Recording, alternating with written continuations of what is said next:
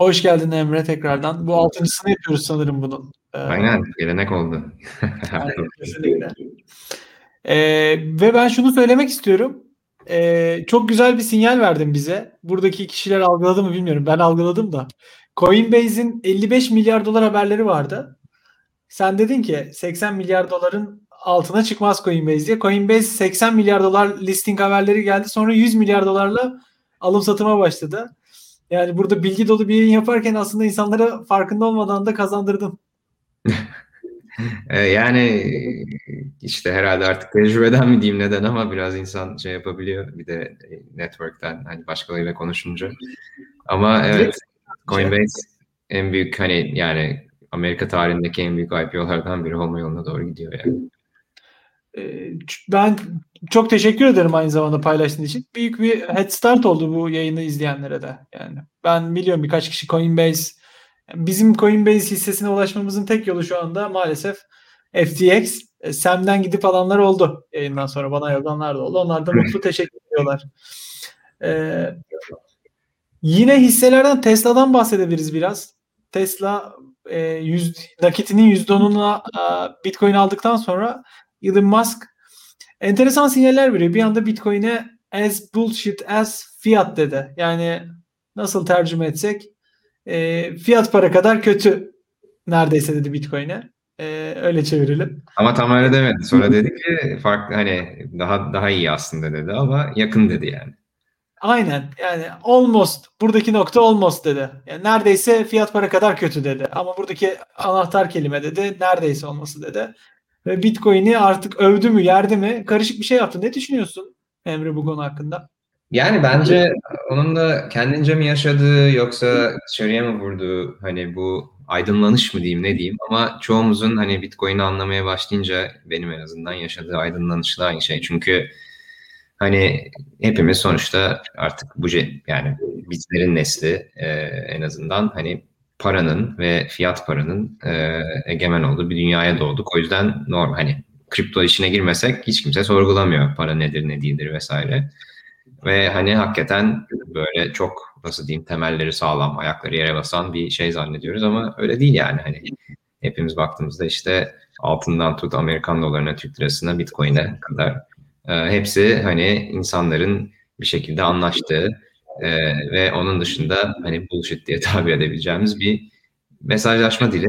E, o da bence onu dile getiriyor biraz. Yani bu şekilde bu arada hani İngilizce'de biraz böyle bir terim var yani hani bir şeyin başka hani neredeyse onun kadar kötü ama aslında o kadar da kötü değil hani tarzında illa bu şey demek değil yani hani it's bullshit demek değil. Ee, o bence o şekilde biraz dile getiriyor. Ee, ama buradaki önemli nokta hani az önce de dediğimiz gibi e, onun da yani Elon'un hala hani evet yani Bitcoin'de aslında biraz aslında yani insanların yarattığı hani arbitrary bir şey ama e, Bitcoin bir paradan normal paradan biraz daha iyi buna rağmen. Enteresandır. Ee, Bitcoin Elon Musk'ın Türkiye'de çok ciddi bir e, tanınırlığı var ve Elon Musk konusunda da çok enteresan spekülasyonlar yapıyor. Kendisi yapıyor aslında. Dogecoin ile alakalı iki günde bir yazmazsa olmuyor. O sıklık çok arttı. O frekansı çok e, dilimi çok ufağa indirdi. E, evvelden ayda bir Dogecoin ile ilgili bir şey yapıyordu. İşte bir fotoğraf atıyordu. Şimdi iki günde bir Dogecoin ile ilgili bir şey yazıyor. Ve artık insanlar bunun spekülasyonunu yapıyorlar burada. Mesela şimdi bugün long claim diyor. iki gündür yazmadı diyor. E, işte e, bugün artık tweet zamanı geldi diyor Elon Musk'ın Dogecoin ile ilgili. Dogecoin'i daha evvel konuşmuştuk zaten. E, Dogecoin şaka. E, peki Dogecoin ile ilgili bir planı olabilir mi Elon Musk'ın? Bir de şöyle şeyler de konuşuluyor. E, çünkü Dogecoin ile ilgili en büyük problemin distribution, dağıtım olduğunu söylüyor Elon Musk. Çok az kişide dağıldığını söylüyor e, Dogecoin. İleride Dogecoin ile ilgili Tesla'nın bir planı olabilir mi? Ya da Elon Musk'ın? Valla ne desem yalan. Ee, daha önce seninle konuşmuştuk. Zenginin oyuncağı gibi hani bu Dogecoin konusu. Ben hala öyle olduğunu düşünüyorum ama hani yarın çıksa Elon Doge'u forkladım Tesla coin çıkardım vesaire. Hani ne kadar şaşırırım bilmiyorum. Hani daha kriptoda beni daha çok şaşırtan şeyler oluyor. Olabilir Kesinlikle. ama yani ne bilgim var ne de ben yani ben hala hani geyik yaptığını düşünüyorum ama yani Şaşırtabilir de. Ama çok da şaşırtmaz. Aynen Elon şaşırtıcı bir adam yani. Adam kendiliğinden full hani dünyanın en büyük araba firmasını yarattı şu an. Bir yandan da uzaya roket gönderiyor yani hani normal bir insan değil. Coin çıkartırsa şaşırtmaz. Aynen. E, şunu sorayım bir de tamamen farklı bir konu olacak ama Binance Smart Chain hakkında ne düşünüyorsun? Çünkü Türkiye'deki hot topiklerden bir tanesi Binance Smart Chain. Herkes artık sabahları pankek yer duruma geldi. Hayatlarında pankek duymamış insanlar. Oradaki Uniswap'in adı PancakeSwap. Herkes PancakeSwap konuşuyor. PancakeSwap'ta farm yapıyor. Ee, bir yandan da şu çatlak sesler de çıkmıyor değil. Artık çatlak ses mi demek lazım? Haklı mı bu insanlar? Binance'in 21 nodu var diyorlar. Ee, Binance Smart Chain'i taşıdığı üzerinde. Ee, Binance mainnetinin. Ve bunların 19'unun Binance'te Binance'in eli altında olduğu söyleniyor. Sence DeFi'nin geleceğinde Binance Smart Chain'in yeri var mı? Olabilir. E, yeterince merkeziyetsiz olmayan diğer chainlerde olduğu kadar diyeceğim. Yani şimdi neden burada birkaç şeye bakmak lazım. Bir tanesi e, kripto o kadar büyük bir pazar olduk ve daha da büyüyecek. E, hani tamam yarın çakılabilir yine ama yani sonuçta uzun vadede büyüyecek ve çok büyük bir pazar olacak. Şimdikinden 10 kat, 100 kat, 1000 kat daha fazla. Yani o dünyada tabii ki yeri olacak. Binance'in de daha merkezi chainlerinde hepsinin yeri olacak. Ama baktığımızda kriptonun dünyaya getireceği değişiklik Binance Chain üzerinden mi olacak? Ben ona öyle düşünmüyorum. Sebebi de şöyle, en temelinde bizim işte Bitcoin'le atıp bütün hatır sayılır kripto currency'lerin, blockchain'lerin getirdiği en büyük inovasyon güven sorununu çözmesi. Yani kimsenin kimseye güveni, güvenmesine gerek kalmadan e, ve tamamen censorship resistant bir şekilde bu tarz para ve değerle alakalı uygulamaların geliştirilebiliyor olması. Böyle olduğu zaman böyle uygulamalar geliştirmek isteyenler Binance Smart Chain'e gitmeyecekler tabii ki. Ee, hani Ethereum'a veya benzeri merkeziyetsiz olabilen ve işte çeşitli farklı özellikleri olabilen e, chain'lere gidecekler. Ee, nitekim benim bizzat hani üzerinde çalıştığım projenin hani Coinbase gibi bir yerden geçtiğim projenin Mina olması da bununla alakalı. Hani benim şahsi sektörle ilgili görüşüm bu. Mina da hani en merkeziyetsiz olacak chainlerden bir tanesi. Ee, bu yüzden hani yeri olacak bir sürü copycatler geçecek vesaire ama hani inovatif bir çözüm geliştiren e, çok iyi bir yazılımcı orada mı yapacak işini? Hayır. Ee, bunda hani belki bazen başkaları diyebilir ya ama olur mu Binance'ın çok parası var, çok para verebilir vesaire. Aynı şeyi EOS'ta da yaşadık. Ne oldu? Hani her yani hakikaten kapıdan girene para veriyorlardı yazılımcıya. 4 milyar dolar raise etmişlerdi. Ne oldu? Hiçbir şey olmadı. O da 21 noddaydı hatırlarsanız. Ee, o yüzden hani dediğim gibi yeri olacak mı? Olacak yani Binance hani bir yere gitmeyen bir şirket. Hani EOS gibi değil sadece tek işi bir tane blockchain çıkarmak değil. Ee, ve bu ajandayı hani şey yapmaya devam edecekler. Ee, Binance Smart Chain ajandasını ama yani kriptoyu da dünyayı değiştirecek şeyler bence Binance Smart Chain üzerinde çıkacağını hiç düşünmüyorum. Kesinlikle onların bir milleti olduğu için en azından Chinese olduğu için bir e, Çinli olduğu için bir ön yargı olacaktır bence Binance'e. Çok iyi bir şey yapmış olsalar bile. Ama EOS'la şimdi önce iki soru sormak lazım burada. EOS başarısız oldu mu? Yoksa hala onun için e, süreç devam ediyor mu? Çünkü EOS'la ilgili bir e, ek bilgi vermek lazım. EOS'un 4 milyar dolar raise etti. Müthiş para. E, CAC'den onayı aldılar. 23 milyon dolara e, resmen bedavaya e, CAC'den onay aldılar. Ve şu anda rezervlerinde 5 milyar dolardan daha fazla Bitcoin var. Yani müthiş bir fon yönetimi yaptı adamlar o kadar zamana rağmen. Hala daha çok paraları var. O zamanlar raise ettikleri Bitcoin'leri satmamışlar. Bitcoin olarak tutmuşlar ve Bitcoin'in yükselişinden faydalanmışlar. Ee, EOS'ta sence konular kapandı mı? Artık EOS e, alternatif layer one'lar arasında sıyrılma şansı yok mu EOS? Ben zannetmiyorum yani bu işler parayla olmuyor. Yani hala hani hem sektörümüz genelde hala ideolojik ilerleyen bir sektör ama onun da ötesinde yine dediğim şeye geliyor. Yani bu işe sadece hiç ideoloji olmadan sadece e, çok iyi bir şirket kurmak, çok paralar kazanmak için giren yazılımcılara bakarsan yani EOS'ta kurmalarına gerek yok. Gitsinler Amazon Web Services, Google Cloud vesaire orada yapsınlar işlerini. Yani e, EOS'un çok bir farkı yok açıdan. O yüzden hani isterlerse hani yani 10 kat daha fazla paralar olsun ben bir şey değiştireceğini zannetmiyorum. Aynen. Binance Smart Chain'in bazı avantajları var dediğin gibi. Onlar all-in-one bir kripto şirketiler. Onun dışında Ethereum yani Ethereum compatible'lar. Her şey uyumlu Ethereum'da Binance Smart Chain'in. Ee, adam oraya port edebiliyor. EOS'ta ben EOS'u şu, şöyle yorumlayamıyorum ben. Yani tamam bu desentralize değil diye e, adapte edilmedi değil diye düşünüyorum. Çünkü Binance Smart Chain adapte edildiyse EOS'un da dışlanma sebebi muhtemelen Binance Smart Chain'in e, dışlanmadığı yerde merkeziyetsizlik değildir diye düşünüyorum. EOS'un dışlanmaması sebebi. Ama para da demek ki çözüm olmuyormuş. E, onların sorunu neyse bilmiyorum ben. EOS neden adapte edilmedi? Emin değilim. E, Binance'in tabii çok büyük bir müşteri portfolyo, portfolyosu var. Onunla kesinlikle alakalı. E, ama gele, yani 5 milyar dolar birçok şey değiştirebilir gibi düşünüyorum e, sektörde. EOS adına. Yani olabilir bunların hepsi ama yani bu olacaksa hani şuna geliyor nokta. Eğer baktık ki hakikaten yani bu merkeziyetsizlik konusu yalanmış arkadaş kendimizi kandırıyormuşuz. Yani bunu daha önce çok yerde söylendi. Ethereum'un ya testnetine veya başka yerlerine bakıldığımızda işte TPS kapasitesi olsun başka şeyler olsun çok daha hızlı. Ee, bunun şu an Ethereum'un yavaş kalmasının sebebi e, işte gas limitinin arttırılmaması. E, onun da sebebi merkeziyetsiz kalmak istemesi. Yani hani baktık ki yalanmış bu iş. Yani minerlar hemen arttıracaklar gas limiti ve iki miner çalıştıracak biner biner TPS'te yani. yani. O konuda o zaman Binance Smart Chain'in ne avantajı kaldı? Hani o yüzden hani bu yani biz tabii hep atıp tutabiliriz böyle konuşmalarda ama günün eninde sonunda hani gerçekte bunlar ortaya çıkıyor ve hani Ethereum 3-4 yıldır var. Binance Smart Chain adı farklı mıydı hatırlamıyorum bile yani 3 sene falan önce çıktı ilk.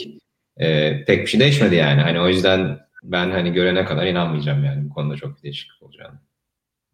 Kesinlikle. Ben de me- merakla bekliyorum ne olacağını. Bu Layer 1'lar çok ciddi e, bir savaş içerisinde. Savaş derken herkes adaptasyon için e, canın dişine tırnağına e, artık ne diyorlardı canını dişine takmış uğraşıyor.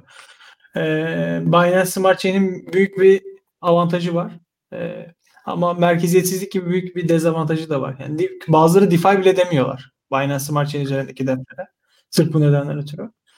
E, o zaman merkeziyetsizliği de tartışmak lazım. Merkeziyetsizlik nedir? Her herhangi birisinin network'e katılması merkeziyetsizlik tanımı için yeterli midir? Yoksa illa validatör kurabilmek mi o ağ içerisinde merkeziyetsizliğe e, katkı sağlıyor? Muhtemelen sen öyle diyeceksin.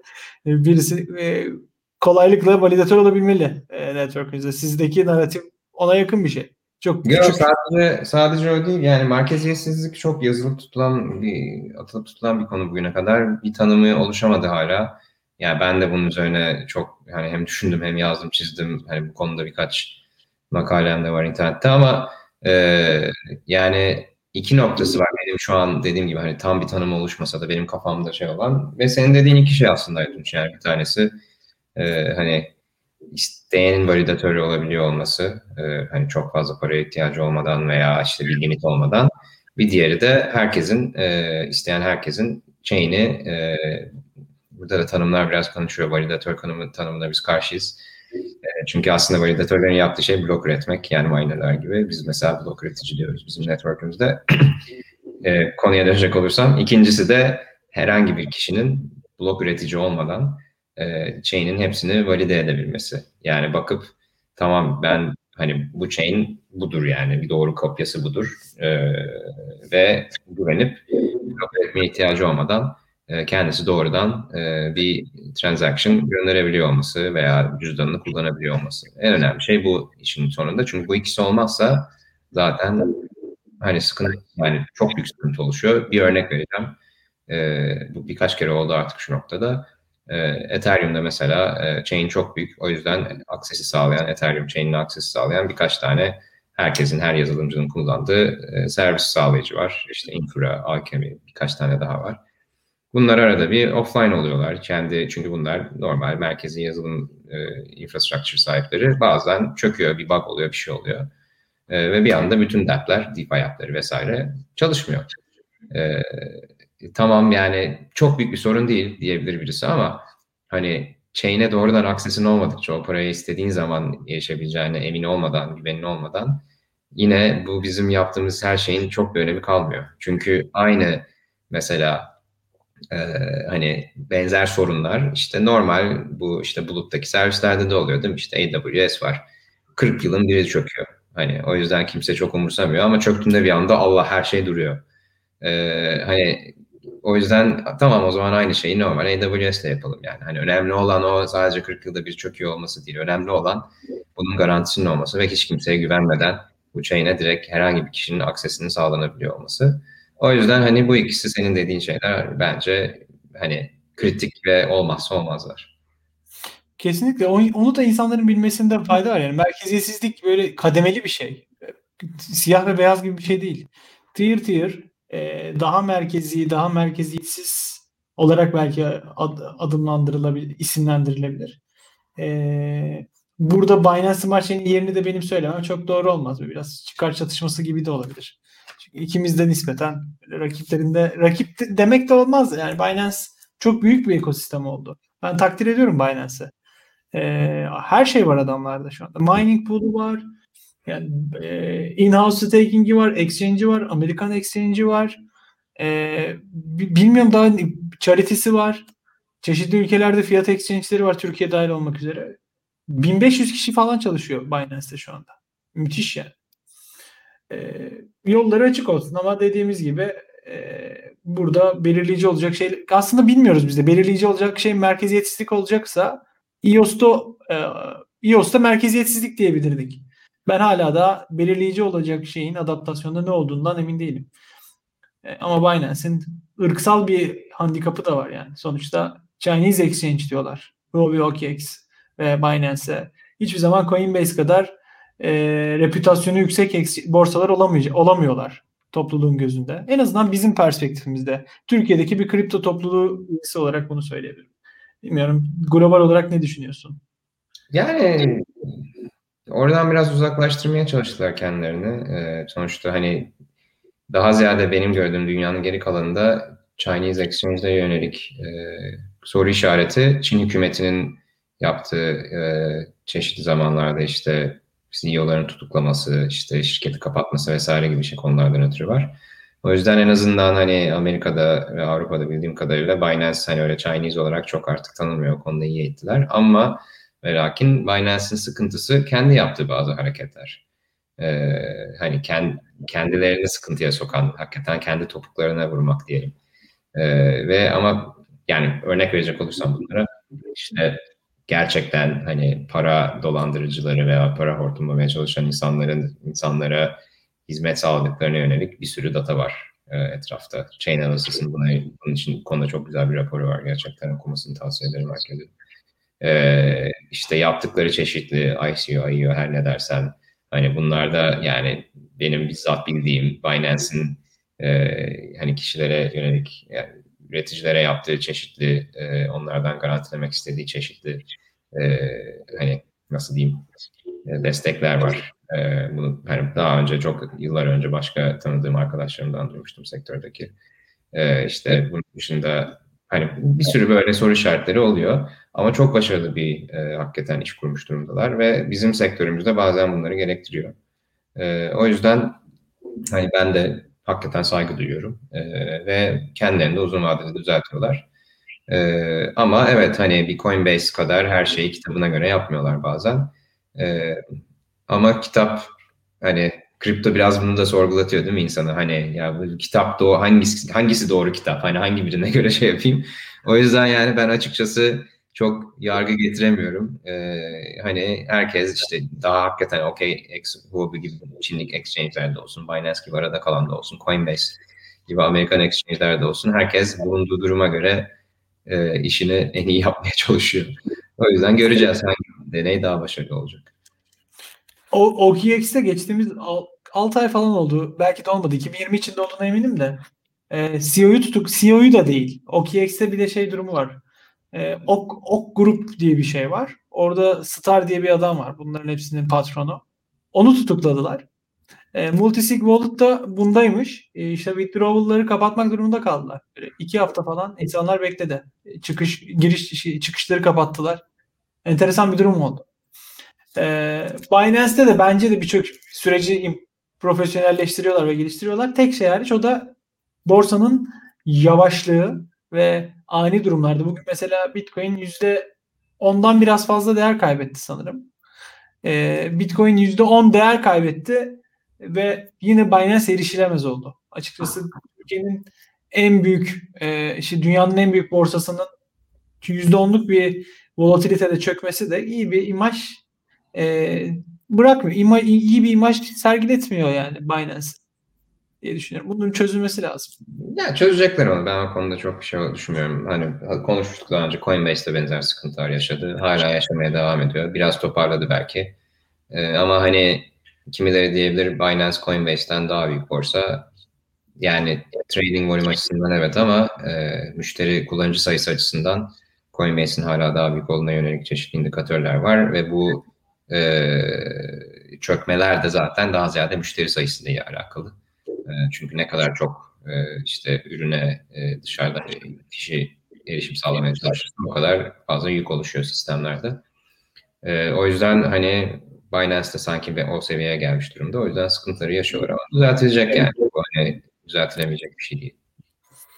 Son kısaca belki fikrini almak isteriz varsa. Çünkü Türkiye'deki çok önemli konulardan bir tanesi de yanlış bir bilgi üzerine kurulan bir algı söz konusu. Ripple'ın davasının Türkiye'de bugün çözüleceğini düşünüyor insanlar. Ripple'ın e, işte Security Exchange Komisyonu'na CAC ile davası bugün çok kapanacak ve e, işte artık ceza mı yiyecek yoksa affedilip hemen Coinbase'den release mi edilecek? İnsanlar e, beklenti içerisindeler. Halbuki sadece bir ön duruşma var ve ön duruşma ile ilgili de e, iki hafta evvel gelen dokümanda henüz bir uzlaşma sağlanacak gibi gözükmüyor. Belgesi de var elimizde. E, bununla ilgili bir şey söylemek istersem son birkaç cümleni alalım istersen. Daha fazla gün söylemek istediğim bir şey varsa oraya değiniriz tabii ama e, gündemde de pek başka bir şey yok. Evet yani de, çok bilgim yok hani de, içeriden veya başka şekilde ama bu bir savaş olacak gibi her anlamda ve hani savaş olması demek çok uzun dava sürecine gitmesi demek. Ee, yıllar sürebilecek bir dava olabilir. O yüzden ben kimse nefesini tutmasın diye tavsiye ederim. Ya bu da neden hani savaşa gidecek? Çünkü yani Ripple kendisi de söyledi ama hani eğer EOS gibi işte bir e, settle etmeye çalışırlarsa işte bilmem kaç ne kadar para verelim tamam dava iptal olsun. O zaman Ripple yani bir security olarak kalacak yani her zaman için. Ve bunu istemediklerini söylediler. E, o yüzden bu bir savaş haline dönecek. E, bakalım ne kadar sürecek. Yani bence yıllar sürebilir. Bizde bu e, yanlış bilgi böyle büyük kurumlardan yayılıyor. Şimdi bazı borsa ismini vermeyeceğim tabii. Bazı yerel borsalar şey mesela okuyayım tweet'i şeyi mail atmışlar. Bana da atmışlar. Şey demiş. Dava günü geldi. Ripple ile SEC arasındaki ilk celse başlıyor. Ripple yatırımcısı ne bekleme? Şimdi böyle atınca e, videolar falan da çekiliyor. İşte biz kefenimizi giyip çıktık yola. Ripple'a ne olacaksa olsun bugün. öyle beklentiler içerisindeler. E, bunu bunu da ufacık değinmek istedik. Uzun sürecek bir süreç bu. Ön görüşme ve ön görüşme ile ilgili zaten dokümanı e, yayınladılar. Herhangi bir şey çıkmayacağı belli. Ve yeni CAC yönetimiyle ilk defa görüşecek Ripple. Yani ilk daha e, bir, bir onlar bence davayı davayı değiştirdiler bu arada. Davanın e, 8 sayfa eklemişler davaya. Hı hı. olacağını bilmiyoruz Ripple ile alakalı. Bu yanlış bilgilendirmeyi de belki düzeltmiş oluruz diye e, düşünüyorum. Evet yani İngilizce'de bir deyim var. Buy the rumor, sell the news diye. E, dedikoduyu al, e, haberi sat diye. Yani exchange'lerin de sonuçta iş modeli milletin spekülat, spekülasyon yapıp trade etmek. O yüzden exchange'lerden gelecek, çoğu exchange'den gelecek mail'e çok kalmayın derim. Kesinlikle öyle. Onlara da kızmıyoruz e, exchange'lere. E, sponsor falan alacaklarsa bizim siteye. Aç koymayayım. Teşekkür ediyoruz. Ee, Emre çok güzel bir yayın oldu. 25 dakika yine tadında kapatalım istersen. Senin 45'te bir toplantın olabilir diye düşünüyorum. Aynen arka arkaya oluyor. Çok sağ ol Aytunç. İyi haftalar. Görüşmek üzere. Görüşmek üzere. Evet.